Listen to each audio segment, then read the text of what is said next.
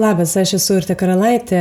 Čia podcastas Greito gyvenimo lėti pokalbiai, kur įvairiausiose dialoguose mes bandom geriau suprasti žmogų ir jo santyki su aplinka, kitų žmogumi, savimi be abejo. Jau tikriausiai girdėjot paskutinėse epizoduose, kad podcast'e vykdau muzikos kuriejų palaikymo iniciatyvą ir epizoduose pristatau vis po naują man įdomų Lietuvos muzikos kurieją Taip, galbūt supažindinsiu ir jūs su dar neatrastais garsais. Man pačiai be abejo labai įdomu yra atrasti vis naujos, dar visiškai negirdėtos muzikos sukurtos lietuvių kuriejų, o tuo pačiu kartu su rėmėjais mes simboliškai ir prisidėsim prie šiuo metu vis dar tikrai stipriai apribuoto muzikos pasaulio gyvybės.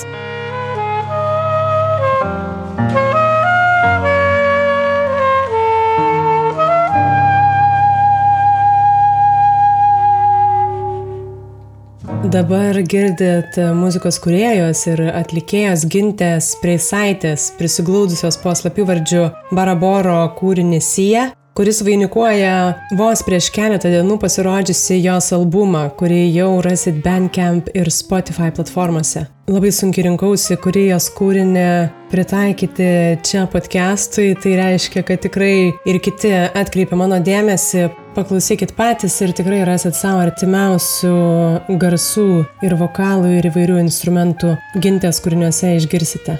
O šiandien kalbuosi su Vilniaus universiteto psichologijos dėstytoju Kestučiu Dragunevičiam, su kuriuo kartu pabandom pažiūrėti į žmogaus instinktą burtis į įvairiausias grupės ir tų grupių struktūras, tarpusavio ryšius, hierarchinius santykius, konkurenciją.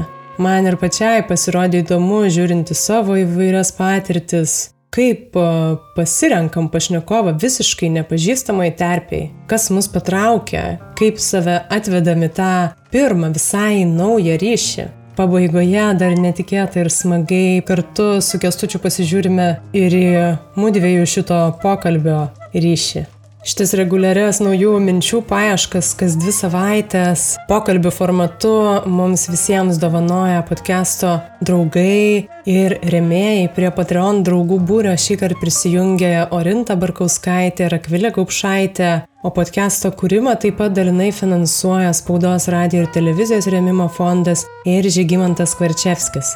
Podcast'o ištikimi draugai jau daug metų yra Vilniaus universiteto radijos stotis Start FM bei portalas 15 minučių. Tai ačiū visiems, kad galim kalbėti, galvoti, dalintis mintimis, nesutikti ir tęsti šitos pokalbius. O jei norit prie jų gyvavimo simboliškai prisidėti ir jūs, tai galit padaryti patreon.com pasvirasis brūkšnys lėti pokalbiai.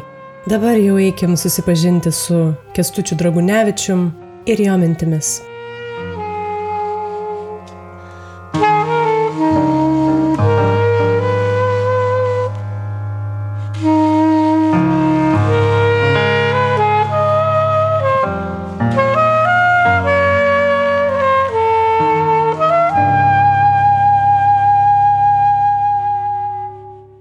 Pradžiai dar pasitikslinsiu, jūs praktikoje psichologijos nedirbate, jūs su tyrimais labiau statistika, duomenimis, gal galit visai trumpai papasakot, kokioj srity be dėstymo.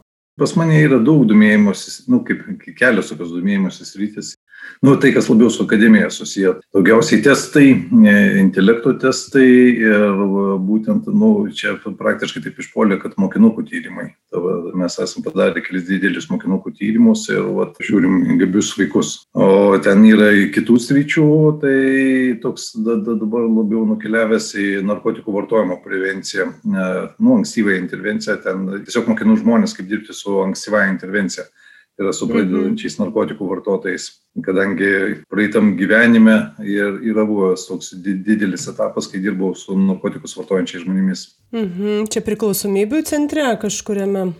Ne, Lietuvos tai centro narkomanų rehabilitacijos bendruomenė buvo tokia. 93 metais jie atsidarė, tai ten aš ir pradėjau dirbti. Iš pradžių kaip naktinis būdintis, po to pradėjau dirbti kaip psichologas ir ten nu, pradirbau visų sumoje 16 metų pradirbau, iki 2010 metų, man atrodo.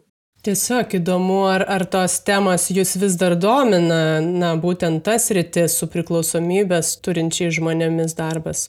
Čia įdomi patirtis yra. Iš vienos pusės tas darbas toks e, tenkinantis labai, o iš kitos pusės tai vis dėlto sunkus darbas, ta prasme, su studentais yra gerokai žymiai lengviau. O narkomanų studentai yra toks lengva duona. Čia taip ironiška, bet iš tiesų, na, tokią patirtį būtent e, padirbus su sudėtingesnėm socialiniam grupėm, tai tada studentai lengviau prieinama ir suvaldoma tikriausiai. Aš kaip jum ir rašiau, aš iš tiesų labiausiai kažkaip užsikabinau ir už jūsų gal tokio gerokai ankstesnio pranešimo ir pati norėjau taip labiau kalbėti apie grupės, apie grupių formavimąsi a, iš tos psichologinės pusės, tai jūs gal galėsit ir pradžiai patikslinti, nes čia aš kaip matau labai priartėja sociologija prie psichologijos, kokia skirtis čia būtų, galvojant ir apie tuos mūsų ryšius bendruomeninius, kuriuos neišvengiamai mes instinktyviai ar ne formuojam ir, ir gimstam kažkokiame ryšyje. Tai vad gal jūs norit taip įžangai tiesiog, jeigu galit, kažkaip a, a, trumpai bent jau apibrėžti tą pagrindinę skirtį. Ne, negalėčiau sintezuoti sociologinių teorijų ir pasakyti apibendrintą tą požiūrį. Pas psichologus galbūt yra toksai lengviau galbūt pasakyti, nes čia, ko gero, daugiau, vienas pirmiausiai daugiausiai susijęs su praktiniu darbu. Nu, čia pradėti nuo tokio fundamentalaus, fundamentalus pamatas, kad bendravimo metu yra mes keičiamės informaciją, pavyzdžiui, mes dabar kalbamės tarpusavėje, mes keičiamės tam tikrą informaciją, tai yra bendravimo turinys, kas yra, bet yra kitas dalykas, yra šalia bendravimo turinio, arba teisingiau, bendravimo turinys yra apgaubiamas santykyje prasme, tai yra koks yra iš tikrųjų santykis po, tarp žmonių. Ir ta, tas informacijos dalinimasis arba pats suvokimas labai stipriai priklauso nuo paties santykio. Ar santykis yra, pavyzdžiui, draugiškas ar priešiškas. Ar aš labai įtariai žiūriu, ką iš manęs bando sužinoti, ar, ar aš žiūriu, kad tai yra geras santykis ir stengiuosi padėti. Ir vat, grupėse, tai yra dirbant su grupėmis, tai jis yra lygiai tas pats viskas priklauso nuo to, kaip susiformuoja grupėje atmosfera. Nėra tam dalykui tokio vieno įvardymo. Nu, angliškai sako group cohesiveness, kai kurie sako, bet e, tą dalyką galima plačiau pasižiūrėti, nes yra grupės sutelktumas, tai yra bando lietuviai išversti. Grupės atmosfera kažkada senais laikais sakydavo kolektyvo darbo mikroklimatas, nors yra įdomesnių versijų, tada, tarkim, armijoje sprideko korpuso dvasia. Rusai dar turėjo tokį pasakymą baivoj duch. Prasme, tai yra, yra, yra daugybė apibrėžimų, tai yra tam, kas vyksta tame grupės viduje, ta prasme, kas, kas sudaro tą grupės suteltumą arba susietumą, kada grupė arba jaučiasi vieninga, ta prasme, ten grupės nariai vieni kitiems yra linkę padėti, arba grupė kaip tik yra tokia izoliuota, fragmentuota ir ten yra tarpusavėje koalicijos, kurios tarpusavėje nu, kariauja dėl įtakos na ir vat psichologams yra galbūt svarbiausias vat šitas momentas tai, yra kaip atsiranda tas grupės susietumas. Ir tai svarbu galbūt ne tik psichologams bet apskritai žmonėms kurie dirba su grupėmis na pavyzdžiui mokytojams. Narkomanų reabilitacijos bendruomenei kur kalbėjau tai irgi buvo labai svarbu nes vėlgi labai priklauso nuo to, kaip, nu, kaip vyks procesas, ta prasme, tai priklausys nuo to, kokia bus atmosfera. Ar jeigu tu, tu galėsi daugiau padaryti, jeigu tai bus palanki atmosfera, tai yra, tave, tiek tave priims tada ne, ne kaip išorinį žmogų, nu, visieną priima kaip išorinį, ten finaliai yra taip, kad uh, priima kaip išorinį, bet e, ar tau pavyks užmėgsti kontaktą e, ir kaip pačioje bendruomenėje vyksta, prasme, ar ten galios tam tikros normos, kurios yra kalėjiminėse kultūrose, tai yra, kur tu priklausai tam tikrai sąjungai ir, ir tu kariauji prieš kitas sąjungas. Ir ar, ar vis dėlto daugiau vienas kitą priima, kaip, kad nu, mes esame bendruomenė, kuri turi padėti vienas kitam, ta prasme, ir kaip tas procesas susiformuoja. Tai va šitas e, grupės dalykas psichologams ypatingai svarbus. darbui. Tai čia kaip psichologai traktuotų. Mokslinių požiūrių ten yra padaryta tyrimų, ten kaip, kaip tos grupės veikia tarpusavėje, bet, bet, bet pats savo, savo esu įsivedęs būtent šitą dalyką. Čia yra svarbu vienas, nu, tokie du komponentai. Vienas yra emocinis šiltumas, kada mes e, mielai žiūrime į kitus žmonės arba e, mums tie žmonės nepatinka, o kitas yra taisyklės. Ta prasme, taisyklių buvimas arba jų nebuvimas nulėmė, ar darbas bus produktyvus ar nebus produktyvus. Ir tas galioja tiek darbo kolektyvuose, tiek šeimoje, tiek klasėje, tiek kitur. Ta prasme, toks esminis fundamentalus dėsnis einantis per daug kur. Taip, aš norėjau pastebėti, kad iš tiesų čia ne tik, ne tik organizacijoje su kažkokiais tikslais, na, darbo tai pritaikoma, bet tiek pat šeimoje, tiek pat galbūt ir, ir draugų įvairiausių ryšių ratuose, ar kaip jūs minėjot, ir priklausomybių centre, dirbant grupėje. Tai čia gal norisi dar porą žingsnių parbėgti atgal kad bendrai didelė grupė vat, visiškai nepažįstamų žmonių e, sumestų į vieną vietą, nesvarbu, ar tai kažkoks viešas renginys, ar, ar nežinau, ar, ar vakarienė pas pažįstamus, jinai ima skaldytis natūraliai mažesnės grupelės tarsi maža saugesnė, drąsiau gal reikštis, gal paveikti kito nuomonę lengviau. Tai čia vad gal būtų įdomu taip nuo, nuo pirmo žingsnio pradėti, kodėl tos grupės iš tiesų natūraliai nori formuotis. Žmogaus prigimtyje įdėtas toks daiktas, kad mes esame nu, pakankamai socialų žmonės, pas vienus daugiau to socialumo, pas kitus mažiau to socialumo. Ir tas socialumas kaip atsiliepia? Atsiliepia tai, kad e, mes esame labai neabejingi, kaip kiti žmonės mus vertina. Iš kur atsiranda nerimo, ypatingai daug nerimo, e, kada mus stebi kažkas tai. Ir jeigu mes atliekame kažkokią tai veiklą, tas kitas, kuris mus stebi, ar tie keli kiti, kurie mus stebi, jie e, turi įvertinti mūsų darbą. Dėl ko didelis nerimas per egzaminus yra, kad mūsų darbą kažkas tai vertins. Bet tai galioja ne tik egzaminams, bet aišku, tai galioja ir kitose situacijose. Pavyzdžiui, jeigu tai yra man mažiau pažįstamų žmonių grupė, e, tai yra, kur susirinko, nu, vat, nu ne visai atsitiktinai, bet tai kažkokį tai renginį ar panašiai, Jie nėra man pažįstami, nu, pavyzdžiui, mano šeima yra gerai man pažįstama, aš jau žinau, e, kaip mano šeimos nariai reaguoja į mane, ką jie ten sako, žinau, kaip atsikirsti į tai, ką jie sako, jie taip pat žino, ne, ta prasme, tai man didžiulio galbūt nerimos nesukelia, nes tai man tai prastai yra situacija, tai su nepažįstamais tada tos nerimas yra daug didesnis, kaip į mane žiūrės, kaip mane, kaip mane vertins. Ir aišku, tada žmonės turi vėlgi kiekvieną savo prisistatymo strategijas, yra, nu, kai kurie ima pasakoti anegdotus, kai kurie tyli tyli, tyli, tyli ir žiūri, kas čia dedasi, ta prasme, nu, tai yra gana įvairūs yra tie žmonės, kurie gerai valdė socialinius įgūdžius ir jie sugeba tokiuose situacijose pasinaudoti tokiomis socialiai neutraliomis temomis, gražiai pakalbėti apie orą, paklausinėti, užmėgsti pokalbį. Tai yra kiekvienas turi savo, bet nerimas yra pakankamai didelis. Ir jeigu aš darau viešą veiksmą, e, ir vienas iš tokių didesnių nerimų yra kalbėti prieš auditoriją, jūs e, pradeda vertinti automatiškai kaip kalbėtoja. Tai šitą veiksmą nepatyrusiam, nu, yra, yra žmonės, kurie užsima profesionaliai šituo. Tai jie jau turi atidirbę savo repertuarą technikoje, kas tą nerimą sudėmė mažina. Bet jeigu tu nesi profesionalus, tai prieš didelę auditoriją žmonių, aišku, tas nerimas iš karto padidėja. Ir dėl to, aišku, nepalyginamai yra lengviau, jeigu tu susitinki su vienu, dviem žmonėmis ir tas nerimas iš gerokai sumažėja. Dėl to mes, kai yra ta minė, mes ieškome kažkokių tai žmonių, kurie nu, pagal tam tikrus požymius, kurie dar gerai, jeigu turėtų kažkokį tai bendrą interesą būtų panašus į mus ir mes galėtumėm burtis aplink tą bendrą interesą. Man visą laiką dėl to patinka rūkančiųjų frakcija. Tai yra iš didelės kompanijos, kad tarkim 30 žmonių visą laiką atsiranda keli rūkantieji, jie susibūrė į mažesnę grupelę, išbėga parūkyto pretekstu ir pagal tą ženklą, kad kažkas bėga parūkyti, tu gali bėgti iš paskos ir va tenai jau gali tada užmėgsti tą mažiau įpareigojantį pokalbį kur tave stebi gerokai mažiau žmonių, jūs turite bendrą interesą ir galite pasidalinti.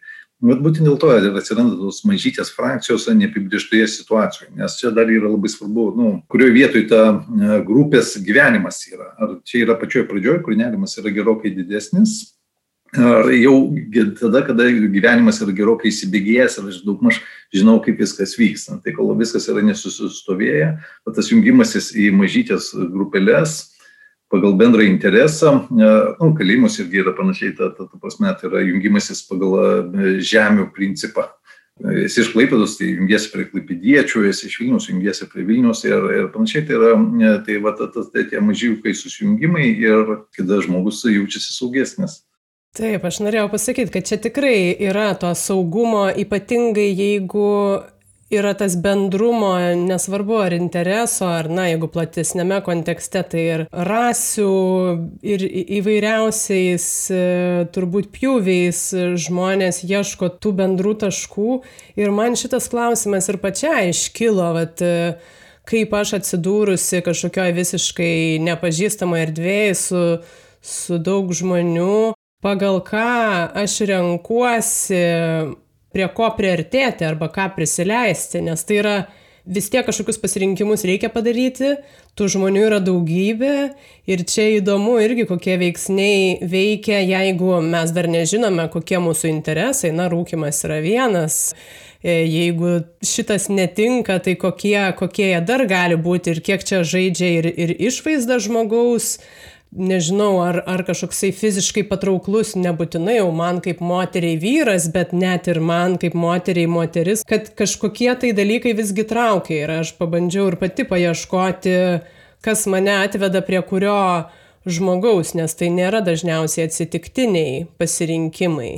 Mm, jo, ir čia susipina gana daug motyvų iš karto, nes vienas daiktas išvaizda, e, kaip, ir, yra išoriniai požymiai, pagal kuriuos mes labai greitai klasifikuojame žmonės. Prasme, tai vienas iš jų yra lytis e, automatu ir e, lytis turi gana didelės reikšmės. Tai yra mes matom vyras, moteris ir tą matome labai greitai yra mažiau tokie nelabai akivaizdūs požymiai, apie kuriuos mes galbūt mažiau galvojame. Prie lyties dar reikėtų grįžti, nes seksualinis motyvas vienas iš suveikiančių. Jis gali tam tikrose situacijose būtent jisai suveikia ten ir, ir fizinis patrauklumas tada irgi labai stipriai groja.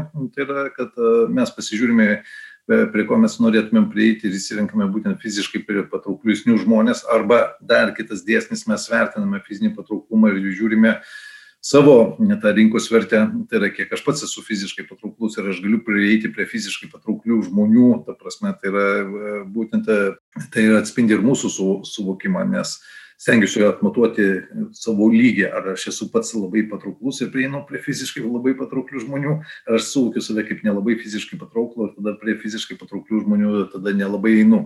Bet, nu, tai nėra vienintelis motyvas, bet, bet, bet tas gali gana stipriai groti. O kitas motyvas yra, yra mes taip pat suvokime tam tikras socialinės kategorijas. Man jų pasaulyje, akademinis pasaulis, studentų pasaulis ir, tarkim, toks labiau antisocialus pasaulis, jie visą laiką būdavo tokie Nu, iš pradžių aš nelabai suprasdavau, kas čia, kas čia vyksta, nes pas mane patį tokiu su, su intuityviu pajūtimu yra sudėtingiau, bet, bet tie du pasauliai yra gana skirtingi.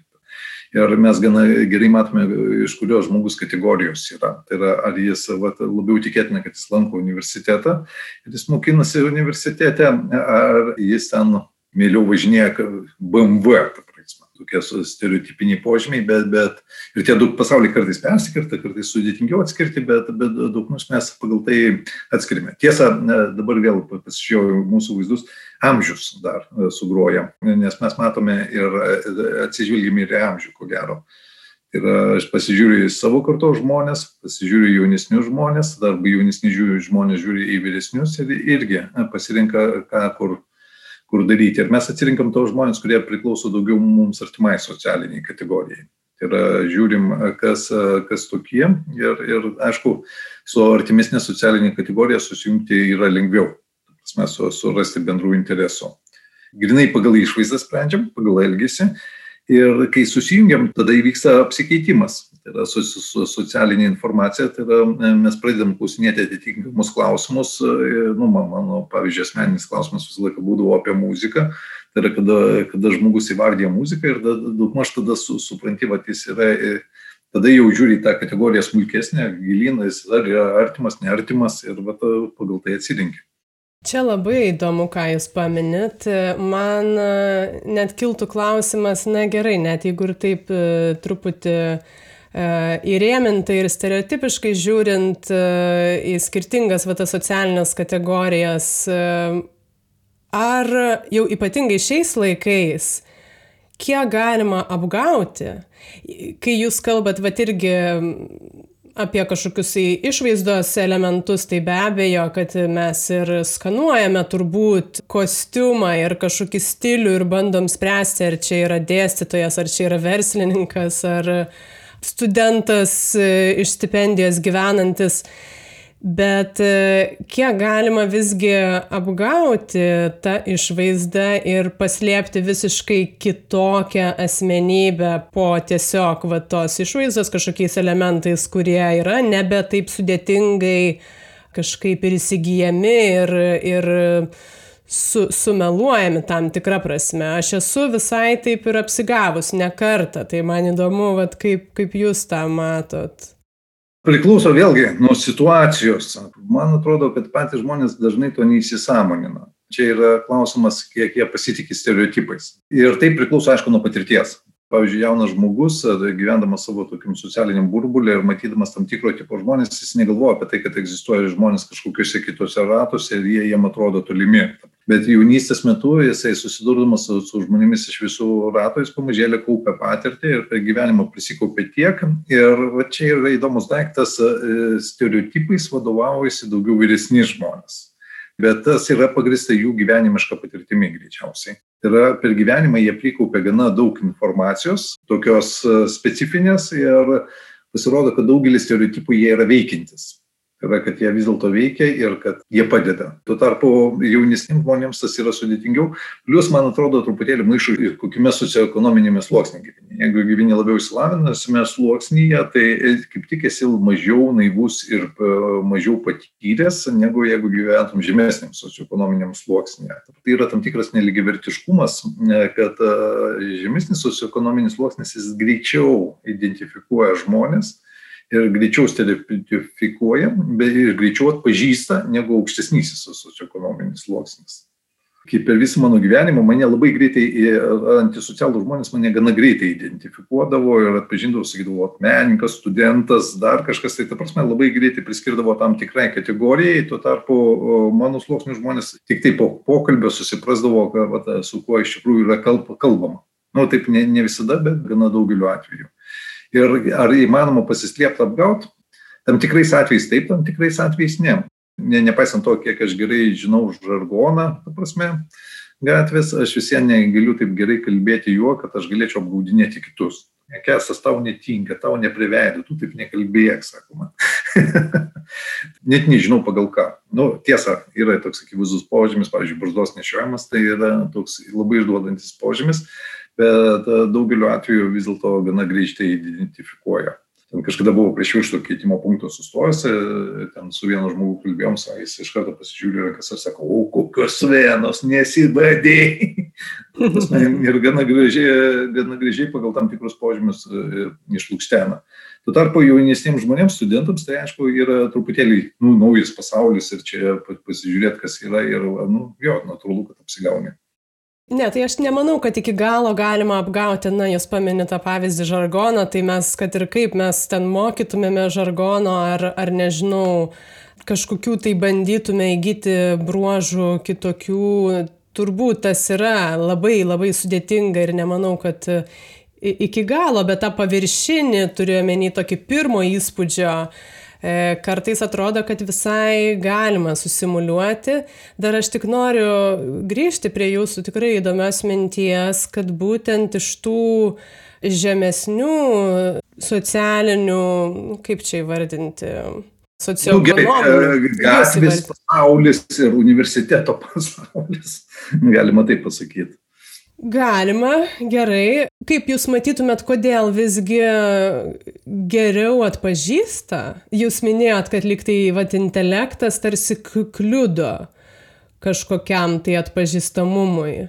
Ar čia yra irgi saugumo, kad, kad tie žmonės, kurie vat, su daugiau rizikų kasdienybėje susiduria, jie turi greičiau atpažinti priešą? Ne tai, kad priešą, ten jų gyvenimas yra toks, jie, jie priešus, ten priešai pas juos kiti yra. Studentas, menininkas, jie daugiau yra lochas, kuri, kuris, nu, potencialiai auka, ne, negu, negu. Ir greitesnis sprendimas, aišku, jisai yra, yra kokiuose ekstremaliuose situacijose.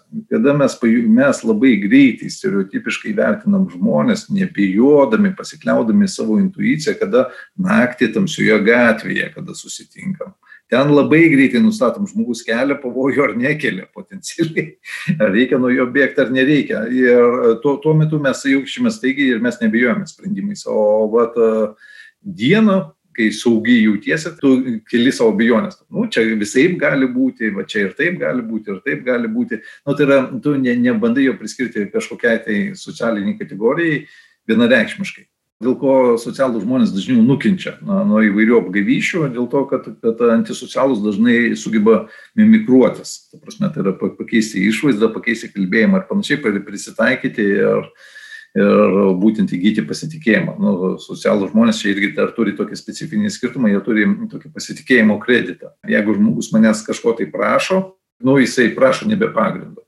Jeigu jis prašo manęs 10 eurų paskolinti, vadinasi, jam tikriausiai reikia ten tai tik po keliolikos bandymus tada supranti, kad ne, ne, ne, ne, ne. Čia jeigu prašo, vadinasi, tikriausiai, jis tikriausiai tiesiog tų pinigų nori, o jam ne, nebūtinai reikia. Tai yra, nu, pat su patirtimi išmoksi tą padaryti, atskirti. Tai, o, o po pačioj pradžioj, nu, kol, kol to nėra, tai, nu, tiesiog bandai interpretuoti, kadangi turi galimybę kelioms interpretacijoms. Gerai, aš noriu dar truputį tada grįžti prie grupių, taip bendrai ir to fakto, kad vėlgi turbūt galima pasakyti, kad instinktyviai žmonės varžosi ir konkuruoja tarpusavį, tai dėl daugybės priežasčių ir dėl mėsos gabalo, ir dėl patelės ar patino, ir tas neišvengiamai ateina ir šių dienų mūsų kultūrą ir vat e, tas e, grupių formavimasis ir grupelių kažkoksai atsiradimas, kurioje aš irgi galbūt noriu atsirasti tokioje, kur nebus visi stipresni už mane, nes aš tada jausiu silpniausia. Lyg ir ieškočiau tokios, kur kiti kaip tik man, nežinau, gal mažiau iššūkio keltų ir aš galėčiau savo, savo vertę parodyti. Čia mano tokios plačios į orą mintis, čia įdomu, kokios įtampos su tuo atsiranda, va šiandien kasdienybėje ir santykiuose, ir galvojant ir apie galio žaidimus, kapitalizmą, su tuo mūsų įgimtų noru nuolat, toj pačioj šeimoje, varžytis ir konkuruoti. Čia aš manau, žmonės tiesiog turi skirtingą užtaisą. Ta prasme, kad evoliucija mums e, nepašikštėjo tokio daikto, kad e, žmonės turi skirtingus užtaisus, kiek jie nori varžytis ir konkuruoti. Čia vėlgi, kuo skiriasi, nu, aš sakiau, aukštesnysis sluoksnis, žemesnysis sluoksnis, aš sakiau, universiteto pasaulis arba gatvės pasaulis.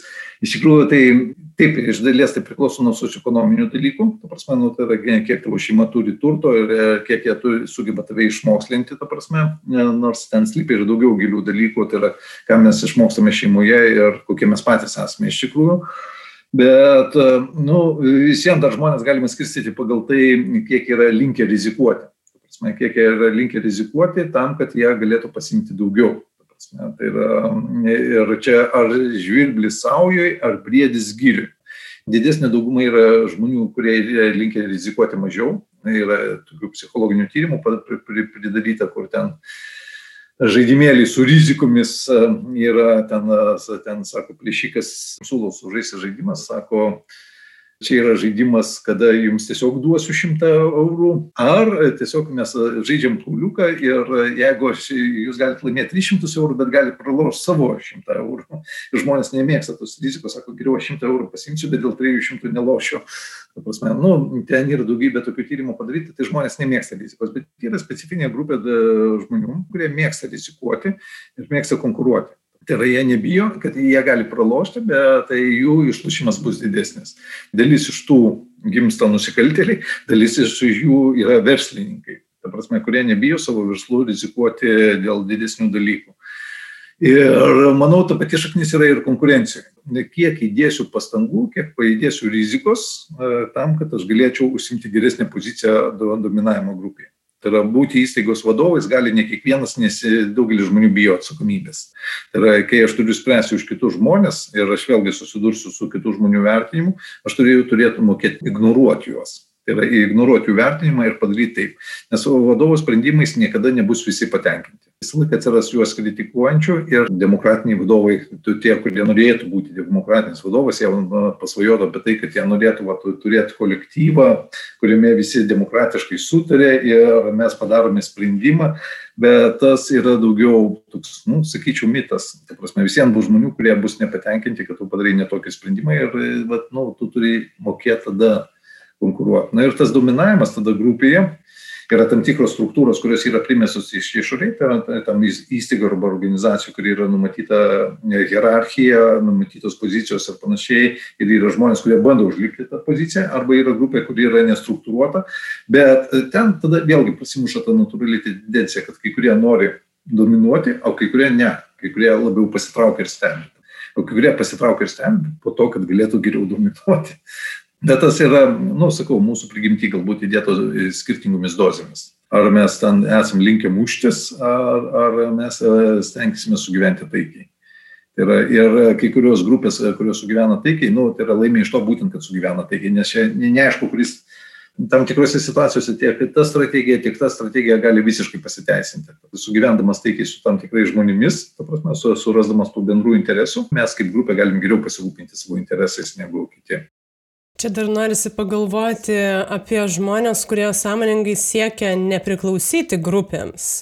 Na, ypatingai galvojant apie kažkokį didesnį kolektyvą ir, ir susiskaldžiusiai kažkokias mažas koalicijas ir yra žmonės, kurie tarsi siekia likti kuo mažiau šališki ir uh, Taip, čia mokyklų kultūroje esu visai susidūrusi su tuo ir turbūt būtų galima ieškoti daugybės pavyzdžių, nes tave nori patraukti į, į, į kažkuria komandą, kad, kad būtų stipresnė jinai prieš kažkuria kitą.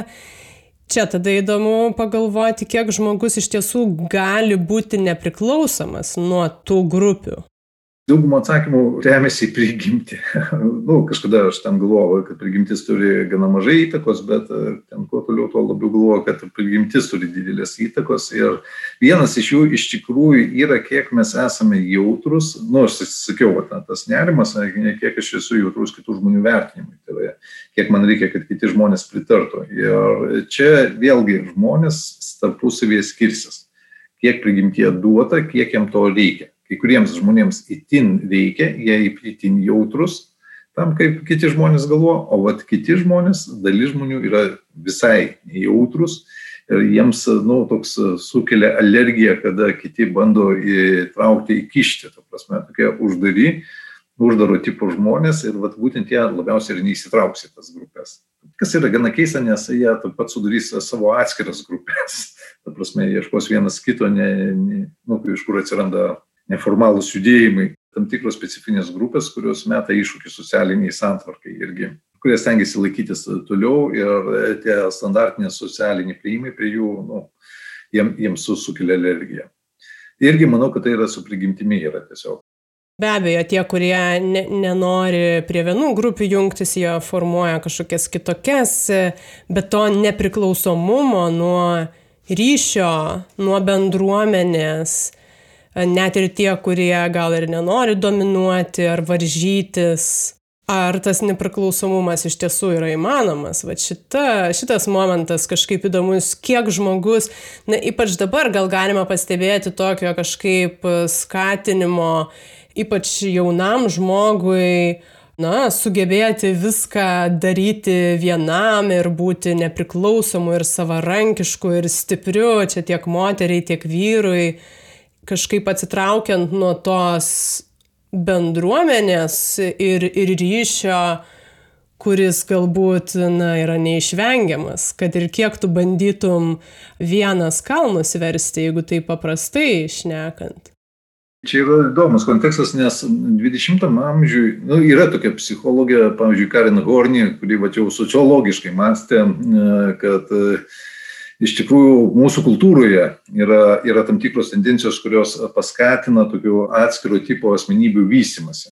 Tai yra, yra vienas tipas, kad į bendruomeniškumą, padėti savo artimiems, mylėti juos ir panašiai turėti ryšį, o kitas, kad būtent į savarankiškumą, būti savarankiškam, nepriklausomam, viską daryti pačiam ir panašiai, nu, Orni manė, kad tai yra visuomenės neurotiškos vertybės, kurios prieštarauja tarpusavėje. Plus dar vertybės, kurios skatina pasiekimus. Ta prasme, va, varžytis, lipti per galvas, pasiekti kažką, laimėti. Ir truputėlį šizofreniškos tos vertybės, kadangi jos tarpusavėje viena kitai prieštarauja. Ir kai jos prieštarauja tarpusavį, nu, žmonėms yra sudėtinga atsirinkti, kaip yra iš tikrųjų. O ar visiškai įmanoma būti nepriklausomam, tai iki galo taip visiškai gana sudėtinga, bet, bet aš manau, žmonės prisitaiko ir susireguliuoja, kiek jiems to, to reikia. Minimizuoja savo poreikius, jiems nelabai aktualu, kad juos suptų kiti žmonės, jiems nelabai aktualu, kad visi būtent jiems pritartų ir jie savo gana lengvai praleidžia tiek laiko, kiek jiems patinka su kitais žmonėmis. Ar visiškai manoma būti taip nepriklausomai nuo kitų? Nu, yra kraštutinių atvejų, kur žmonės tą padaro. Gornį čia nagrinėdama tokius individus kalbėjo, du keliai yra iš tikrųjų. Vienas yra per turtą, būti visiškai materialiai nepriklausomam, o kitas per askezę, kada tu viską nukirti ir tu gali, ir yra individų, kurie gyvena gatvėje, nu, tai yra visiškai minimizavę savo poreikius, O, ir čia yra net tam tikros subkultūros, nu, skvoteriai, kurie skvotuoja butelius ir gyvena, stengiasi minimizuoti savo ryšį su visuomenė, nors patys irgi neišvengiamai gyvena tam tikroje specifinėje bendruomenėje, bet gyvena su tais žmonėmis, kurie jiems patinka. Atsakymas iki galo galbūt neįmanoma, bet, bet žmonės padaro kažką tai tokio. Čia įdomu, jūs paminėt, na ir sėkmę, pasiekimus, gal norisi pasižiūrėti į tą vat, būtent sėkmingo žmogaus e, aukštinimą. Aš iš tiesų pastaruoju metu ir iš jaunų žmonių girdžiu iš studentų, kad kartais ir universiteto komunikacija, na be abejo, jie yra suinteresuoti užauginti sėkmingus, stiprius individus ir profesionalus, bet e, jauni žmonės tarsi pasigenda realybės komunikacijos, kad uh, mums kalbama tik apie sėkmę, bet e, be abejo, vėl grįžtant prie tos pačios konkurencijos, kažkas tikrai bus geresnis už kitą. Va čia įdomu, koks um, sėkmingo žmogaus tokio aukštinimo ir viešoje erdvėje be abejo, kokios pasiekmes galbūt grupiai gali būti. Ir jūs pats, bet pradžioje minėjot, būtent su, su gabiais vaikais, na, mokykloje irgi dažnai jie taip yra ganėtinai atskiriami. Ta prasme, kad, na, be abejo, geriau vertinami ir labiau galbūt mylimi mokytojų, kaip tuomet veikia grupė šalia, kuri yra gal mažiau įvertinta, o kai kurie gal visai prastai. Čia sudėtingas klausimas iš tikrųjų. Kaip priimti pačią prigimtį, kuri netitinka mūsų vertybių, galbūt čia yra toks, nu aš sakyčiau, toks klausimas yra visų ir mes su juo gana sudėtingai susitvarkome. Egzistuojančios ideologijos viešosios, jos neduoda tų atsakymų ir greičiausiai jos negali duoti, nes jos pačios yra, mano galva, yra tokios gana vienpusiškos. Egalitarizmas savo, kad mes visi žmonės esame lygus, taip mums labai norisi sakyti, kad mes visi labai esam panašus lygus pagal savo sugebėjimus nors akivaizdu, kad taip tikrai nėra. Ir tas suvokimas, tas prieštaravimas, nu, jo bandoma išvengti. Mes galvojame, kad tai būtent tie, kurie yra nelygus, kurie turi menkesnių galimybių, jie jausis blogiau. Ir jie tikriausiai jausis blogiau. Pavyzdžiui, kai vaikai žaidžia futbolą, yra keli talentingi individai, tai yra vienas talentingas, kuris turi potencialo daugiau jeigu jie visi nueis į futbolo mokyklą, tai tas talentingas individas, jisai keliaus dar toliau, kol susidurs su kita krūva talentingų individų futbolo lygoje ir greičiausiai ten nesublizgės. Bet jeigu paimė iš paprastų kiemo vaikų, kiti neturi to potencialo ir dėja, dėja jie nuo jo atsilieka.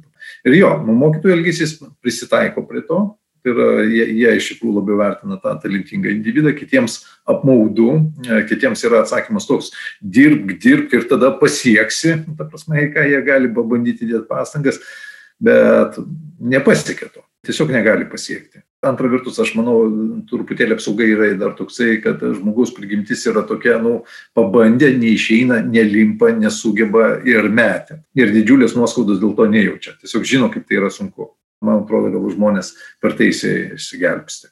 Jam nepatinka, jam apmaudu, kad, kad galbūt aną vertina, bet, bet jis supranta realybę, kad, nu, anas vis dėlto yra geresnis. Nu, aš negaliu žaisti kaip Neimaras, pavyzdžiui. Kiek beidėčiau pastangų, nu, aš negaliu to padaryti. Tuo tarpu pati ideologija man ne, nepadeda, jis sako visi lygus. Tiesa, ten yra gudresnių formuluočių, visiems reikia pagal galimybės, ta prasme, pritaikyti, bet tokioj paprastiniai, ką mes priimam, tai yra, kad mes visi lygus, nors iš tikrųjų mes ne, nesame visi lygus. Mes esame labai skirtingi ir mes turime labai skirtingas galės. Čia įdomu pagalvoti visgi apie tą vaiką, kuriam gal nelabai gerai sekasi, bet galbūt pagalba jam ir be abejo ir pastangos ir palaikymas galėtų kažką tai pakeisti ir padėti tam vaikui tobulėti? Manau, kad ne, nelabai. Nors man labai norėtųsi, bet e, manau, kad ne, nes e, tiesiog tie vaikai, aš manau, kad jie tiesiog žino, kad jie žino, kad jiems neišeis. Bet čia yra tikėjimo klausimas. Na, tikėjimo, pasitikėjimo. Tada galvoju, taip, yra greičiausiai yra žmonės, kurie skausmingai pergyvena, kad jie neturi tam tikrų galių. Na, tai vad jiems pagalba yra reikalinga. Didesnioji masė žmonių, jie tą priima gana natūraliai. Vat, pavyzdžiui, kiek žmonių pergyvena, kad jie nebus tokie kaip e, ten Neimaras, Mesė. Bet tai čia jau toks kitas klausimas, gal ar mes norim visi siekti būti pačiais geriausiais pasaulyje, Greičiausiai mes prisimatuodami įvairias ateitis, tai yra kas tai bebūtų, ar Steve'o Jobso ateitis, ar tai Neymaro ateitis, ar tai būtų Zenono Norkaus ateitis, ta prasme, pasižiūriu ir aš suprantu, kad, nu, jį ne man yra. Tai yra įsivertinant savo realias jėgas, aš suvokiu, kad jį yra ne man. Gali būti, kad jo, kad artimesnės ateitis, nu, tai yra, kad aš pasižiūriu, vat, ką aš norėčiau pasiekti per gyvenimą, ten, tarkim, nebūtinai pačias viršūnės, bet kažką tai padaryti, nu, vat, galbūt čia skausmingiau yra. Ką aš suprantu, kad realiai mano galimybių ribose yra. Aš noriu parbėgti truputį dar prie grupių, čia įdomią mes temą palėtėm. Žmogaus e, savęs suvokimas formuojasi irgi per santyki kaip mažiau ryšių turintis ar siauresniai kažkokioj terpėje augantis galima pagalvoti ir apie visuomenės pakraščiuose ir mažiau socialinių įgūdžių turinčioje aplinkoje augančius žmonės, kaip va tie žmonės tuomet formuoja savo identitetą ir suvokimą. Ar sudėtingoje aplinkoje augantis vaikai nematantis jokių pavyzdžių sėkmingų ir gerų gali išlavinti kažką daugiau? Tai yra labai sudėtingas klausimas. Aš galvoju, kad tai yra ideologinis momentas, kad skurdi socialinė aplinka priboja savęs suvokimą. Nuo XIX amžiaus ir net ko gero anksčiau žmonės buvo taip skirstomi, o tai skurdi aplinka, turtinga aplinka. Skurdžioje aplinkoje gimsta skurdų žmonės, tiek dvasiškai, ta prasme, tiek intelektualiai, o turtingo aplinkoje gimsta o tie, kurie yra. Aišku, tik priežasčių aiškinimas yra kitas. Vienas mėlynas kraujas, ta prasme, aristokratinis aiškinimas, nu, arba ekonominis aiškinimas būtent dėl ekonominių sąlygų. Zabulionis, kai darė nagrinėjo PISA tyrimus, ta prasme, nu, tai yra mokinukų tyrimus, ten skirstė mokinukus į 10 procentų pagal socioekonominį, kultūrinį sluoksnį. 10 procentų pačių geriausių ir 10, nu, kurie turi geriausias sąlygas, 10 procentų, kurie turi blogiausias sąlygas. Ir nu, vienas iš tokių yra, ar yra poezijos knygų namuose, prasme, ir didžiulis skirtumas. Pavyzdžiui, pas vienus yra, o pas kitus nėra tų poezijos knygų. Nu, ir apskritai knygų buvimas namuose yra po 10-20 metų galbūt pasikeis, bet e, turi dvi lentynas namuose knygų, priklausai aukštesniam sluoksniui. Neturi mažiau kaip viena lentyna knygų, priklausai žemesniam sluoksniui.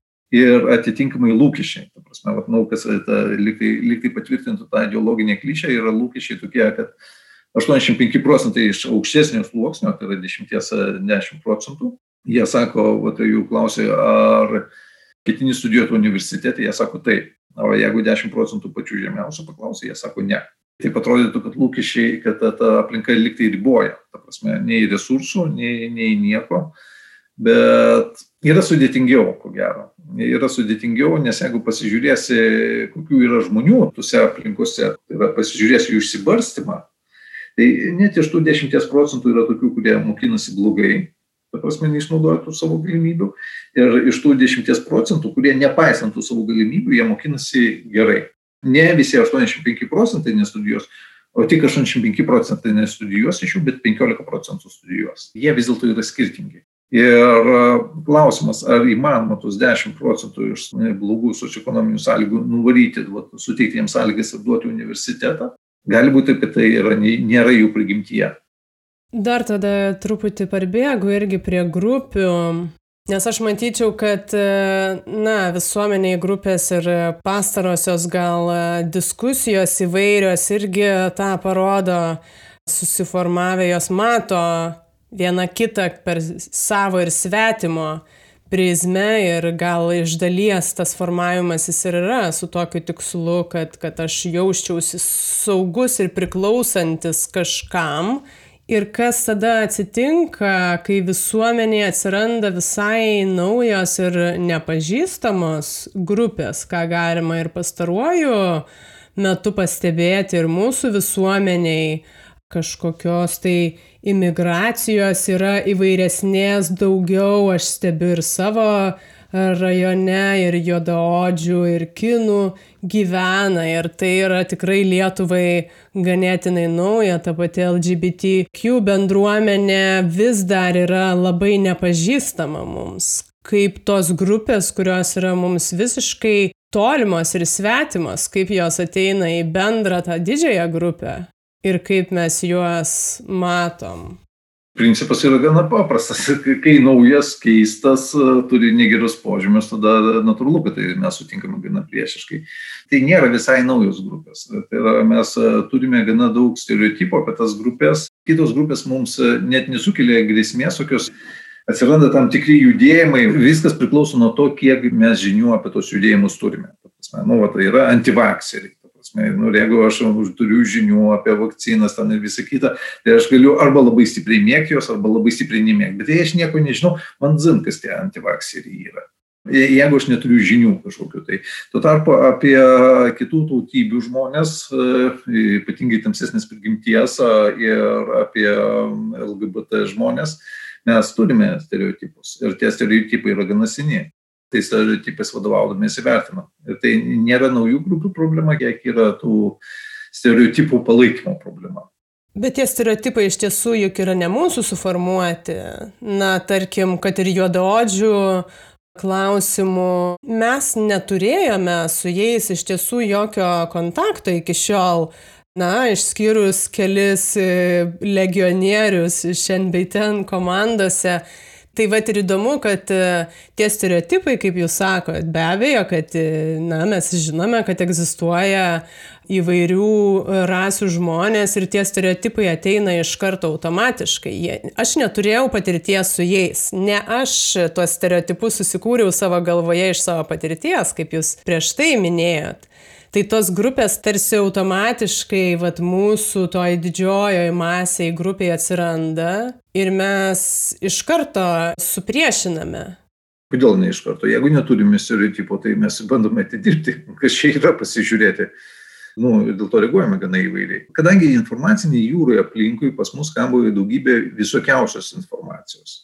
Tai yra apie juodaodžius mes galime prisiskaityti gana įvairių dalykų. Tai yra, ir galime atsirinkti pagal savo natūras, kurie dalykai mums yra įdomesni. To iš tos informacijos bandau nusikalti savo įsivaizdavimą apie tas grupės. Ta prasme, kas yra juodaodžiai, kas yra jų tai juodaodžiai greta mūsų ir kaip į juos žiūrėti. Kaip į tam tikrą svetimą rasę ar kaip žiūrėti Black Lives Matters. Viskas priklausys nuo to. Įdomu, kad jūs paminėt iš karto informaciją, tai reiškia, kad mes ne per savo patirtį, nepriartėdami pabandom patirtis, tarp kitko, irgi labai svarbu yra. Tai yra patirtis, ko gero, turėtų veikti labiausiai, o informacija turėtų būti antrailis dalykas. Bet kadangi mes sakėm, kad jeigu tai yra mums nepažįstama grupė, nu, kuri tik pateko į mano kiratį, kurie anksčiau buvo tik tai, aš mačiau internete, dabar matau gyvai kažkur mano kiratį, bet matau kai troleibus važiuoju, tai vat, pamatau visokių žmonių ir tada galvoju apie juos, bet dar nebendrauju su jais, tada informacija. Bet tai aišku, kai aš pradėsiu bendrauti su jais, tada aš jau darysiu savo išvadas, nu, kuri informacija pasitvirtina, kuri nepasitvirtina. Kai kurie stereotipai įsilaikys, kai kurie ne. Čia įdomu, iš tiesų, jūs ir atskiriat šitą, nes aš ir matyčiau, kad uh, neretai pirma eina informacija ir informacija atneša jau kažkokį tai įsivaizdavimą, stereotipą ir jinai gal net užkerta kelią prie patirties prie priartėjimo prie tų žmonių, nes aš jau susidariau nuomonę, kad vat, to antro žingsnio, tos patirties, noro ar pasiryžimo tai patirčiai iš vis gal ir nebūna. Gal galima taip svarstyti, nors ko gero gyvenimas labiausiai parodo, Tai yra dažnai žmogus, nu, jeigu jam pasiseka, jis gali rinktis, o dažnai būna taip, kad jisai tiesiog negali rinktis. O kaimynai šalia apsigyveno ir viskas, ir nieko nepadarysi. Taip. Aš visai pabaigai galvoju tada pažiūrėti dar į mūsų šitą pokalbį. Na ir mes pradėjom pokalbį nuo to, kad uh, kaip atsirandame kažkokioj visiškai nepažįstamoj terpėj su nepažįstamais žmonėmis. Minėjot, vat, kaip ateidamas į grupę žmonių su priklausomybėmis, kaip jie jūs pasitinka ir, ir be abejo ateinam tikėdamėsi kažkokio tai teigiamo įvertinimo ar kažkokį pasitikėjimą suformuoti. Kaip jūs matytumėt, kaip vat, mūsų dinamika vyko? Kai mes atėjome irgi visiškai į nepažįstamą terpę. Ir tuomet, na, jūs irgi minėjote, ar mes čia pasitikime, ar čia įtariai žiūrim, ar čia saugu. Ir va štai po valandos pokalbio Pas mus paprasčiau yra. Tavo kalboje visą laiką saugumas, saugumas išlenda. Ta prasme, tai yra, saugumas tai yra tik tai vienas daiktas. Tai yra, yra, yra krūvus kitų dalykų, yra smagumai. Ta prasme. Nesaugumą sukuria tada, kada nežinai, negali, nemoki ir panašiai. E, dabar e, tiek tavo pačioje, tiek pas mane yra, pas mane yra patirtis bendravimas su įvairiom auditorijom, daugybė įvairių, įvairiuose kontekstuose. Ta prasme, pas pačiai irgi yra ta patirtis, tu kalbini įvairių žmonės ir irgi turi tą patirtį. Ir va, tada tas nesaugumas, nu, jis yra, ta, tam tikras pradinis kontakto nesaugumas yra, bet jis yra mažiukas, jis nėra viršiantis netaip bijom. Ir vat, tada lieka daugiau smagumo šiaip paplėpėti. Ar nesutiktumėt visgi, kad, na, nes aš pati, kiek įmanoma, tai žinoma, aš saugiai jaučiuosi šitoj terpiai, kokia jinai čia bebūtų, bet nesvarbu, kiek patirties turime, vis tiek kiekvienas naujas žmogus ateina su visiškai naujų santykiu. Aš visiškai nežinau, nei, nei kaip jūs kalbėsite, kaip mūsų dinamika vyks ir ar man reikės po žodį traukti iš jūsų. Galbūt jūs norėsit labai dominuoti, kad pradžia vis tiek yra tas testas ir pasitikrinimas, kokiame mes čia santykiai atsidūrėm. E, jo, ko, ko gero tas lipdusi. Tu vertini, žiūri ir matai, kaip, kaip viskas vyksta. Monitoruoji tą informaciją, Bet tas yra, aš manau, ne, ne tik, kad nesaugumas. Čia tai dar žiūri pati proceso. Ar buvo smagu? Nežinau, ar pačiai buvo smagu? Aš dažniausiai iš tiesų įvertinu truputį 10 minučių po pokalbio atsitraukusi. A, tai nerimas yra svarbiau vis dėlto. Tai ne tiek nerimas, kiek iš tiesų intensyvumas, nes va ta, na, mano pozicija dar šiek tiek kitokia negu jūsų šiuo atveju, kai aš bandau ir daug informacijos ir, ir girdėti, ir žiūrėti į priekį, ir tiesiog, na, toks susikaupimo įtampa. Ta, tai aš iš tiesų net nelabai būna, aš pabaigiu pokalbį, atsisveikinu ir aš dar net neatsimenu nei apie ką mes kalbėjom, dar reikia truputį porą minučių suprasti, kas čia įvyko. Gerai, aš tada suprantu, tai yra atsakomybės klausimas. Ta prasme, tu labiau atsakingai už jų pokalbį jautiesi negu aš. Taip, taip, aš manau šiuo atveju. Man labai iš tiesų buvo e, ta jūsų ir įžanga, e, paminėjimas e, apie tą darbą rehabilitacijos centre, gal grįžtant ir truputį ir tuos prisiminimus. Ten labai svarbu yra pasitikėjimas, kai jūs ateinat visiškai kaip naujas žmogus kaip jūs save atvesdavot į tą grupę, kai jūs žinot, kad mano va šitas pirmas ateimas. Ten truputėlį kita pozicija buvo. Aš ten buvau amžinasis sėdintis, o vat jie ateidavo. Bet santykio klausimas jis visą laiką būdavo. Ta prasme, tai yra ir pasitikėjimo tas klausimas būdavo. Ir jis niekada nebuvo iki galo išspręstas, aš galvoju. Gerai, jeigu pavykdavo sukurti salelę, bet taip, kad iki galo šimtų procentų išspręsti, ne, tai yra sudėtinga. Ir tas yra, yra, ko gero, pagrindinė darbo dalis, ta prasme, prie kurios daugiausiai dirbti reikia. Turite omeny, kad kažkokio, na, pilno pasitikėjimo jumis? Jo, tai yra dozavimas informacijos, jis visą laiką neišvengiamai yra tenai. Ir tas yra, nu, galbūt, vat, nu, kalėjimo kultūros dalis, kad tu ne, negali būti šimtų procentų atviras. Ir abipusės turbūt negali. Galbūt, galbūt. Kita pusė tave irgi sveria ir vertina ir tikrina nuolatos. Ar norėtumėt tęsti tokią veiklą? Ne, ko gero, taip jau, jaučiuosi truputį pavargęs ir, ir greičiausiai nesiryšiau. viena geriausių vietų, būtent kur pavyko daugiausiai pasiekti, ko gero. Kitose sąlygose, pavyzdžiui, kalėjime yra gerokai sunkiau. Prisiliesti gal smagu, bet ar taip vis tačia galva pasinert, labai, labai abejočiau.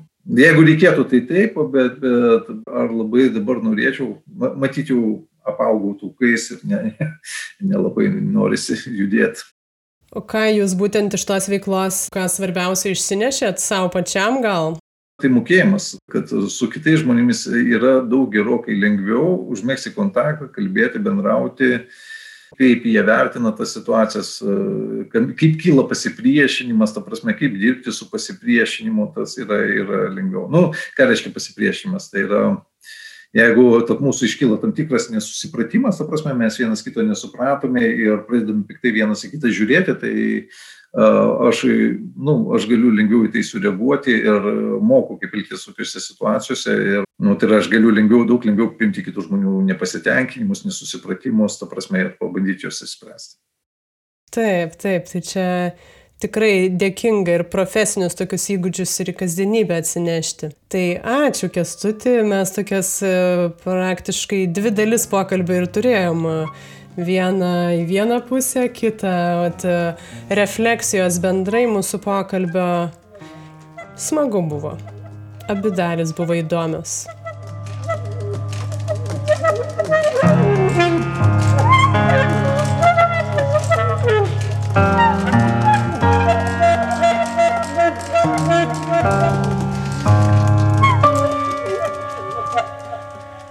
Džiaugiuosi, kad ir jūs vis dalyvaujate kartu su mumis šituose pokalbiuose, mastot, nesutinkat, diskutuojat ir perduodat e, tas mintis e, kitiems. Dabar spontaniškai po pokalbio man atklysta toks gan primityvus minties aidas apie patirtis, kurios tik ir leidžia iš tiesų giliau suvokti, įsisamoninti, išgyventi kažkokį platesnį kontekstą. Ir kartais toks abstraktus kalbėjimas gal visai išbyra kaip smėlis tarp pirštų. O galbūt jis ir gali išjudinti ir pastumėti įvairių patirčių link, pabandyti, o kaip ten viskas atrodo, o kaip tas vyksta, o kaip šitie žmonės masto, kas tikriausiai padeda neapsiriboti savo mąstymu, savo grupę, savais požiūriais. Visą tokią nerimastingą ir smalsę podcast'o pokalbių kolekciją kurioje jau 68 epizodai rasit Spotify, iTunes, 15 min klausyk ir kitose programėlėse bei karalaitė.com pasvirasis brūkšnys podcastas. Jau tikrai žinot, bet priminsiu, kad epizodai išeina kas antrą trečiadienį ir jų tikrai nepraleisit, jeigu seksit podcastą Instagram ir Facebook paskiruose arba audio platformose, o socialinėse medijose visada pažadam jums ir anonsų, ir įvairiausio užkulisinio, lengvesnio turinio. Tai tikrai šį kartą linkiu jums patirčių ir ne tik prie Niagaros krioklių, bet va, nuvažiuokit į Lentvarį, pakalbėkit su mačiute gyvenančia prie geležinkelio bėgių, po to grįžę papasakosit, ką išgirdot, nes tikrai bus ką. Čia podcastas greito gyvenimo lėti pokalbiai Su jumis buvau aš, Urte Karalaitė, kaip ir kiekvieną kartą, o šį kartą svečiuose su mumis buvo Kestutis Dragunevičius. Dar likit pabūti su savo šviežiais pamastymais ir gintės prie saitės kūriniu Sija. Iki kitų kartų.